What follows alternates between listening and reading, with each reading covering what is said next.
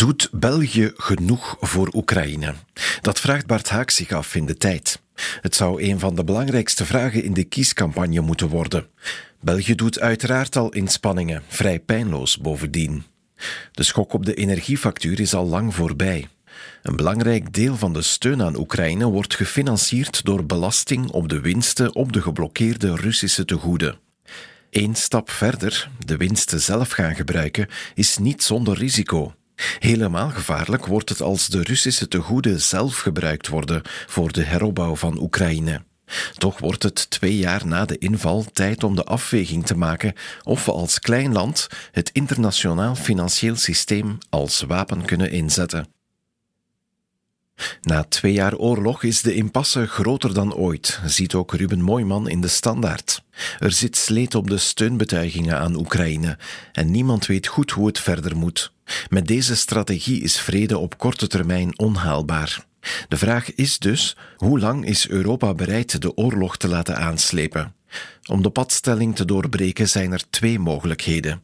Ofwel schroeft het Westen zijn militaire inspanningen zwaar op, met ook onze legers op het terrein.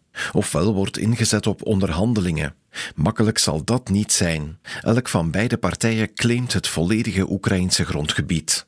Maar alles is beter dan over een jaar opnieuw de doden tellen en vaststellen dat de impasse aanhoudt.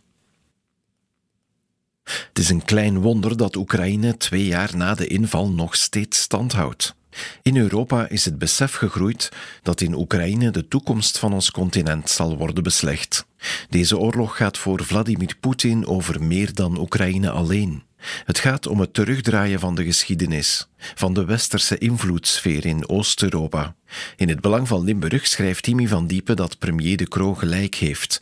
Met deze Russische president valt niet te onderhandelen. Maar dat impliceert wel onze volledige steun aan Oekraïne, zeker als straks de Amerikanen zouden afhaken. En dat betekent meer munitie leveren en de bevroren Russische tegoeden in Europa doorsluizen naar Kiev. Maar dan moeten onze eigen politici ook daadkracht tonen en veel meer militaire hulp sturen. Na zijn blitsbezoek aan Oekraïne zei premier De Croo dat hij het defensiebudget versneld wil optrekken. Het geld wil hij gaan halen door werkloosheidsuitkeringen te beperken in de tijd en door zuinig te zijn met de gezondheidszorg. Traditionele liberale recepten dus. N-VA-boegbeeld Theo Franke wil nog een stap verder gaan door de budgetten voor ontwikkelingssamenwerking en asiel en migratie door te sluizen naar het leger. Wie een hamer heeft, ziet in elk probleem een spijker, zegt Arnoud Gijsels in het Nieuwsblad. Zowat iedereen weet dat de defensieuitgaven omhoog moeten.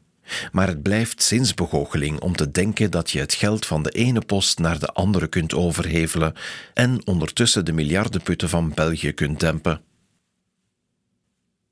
Ander onderwerp in de morgen.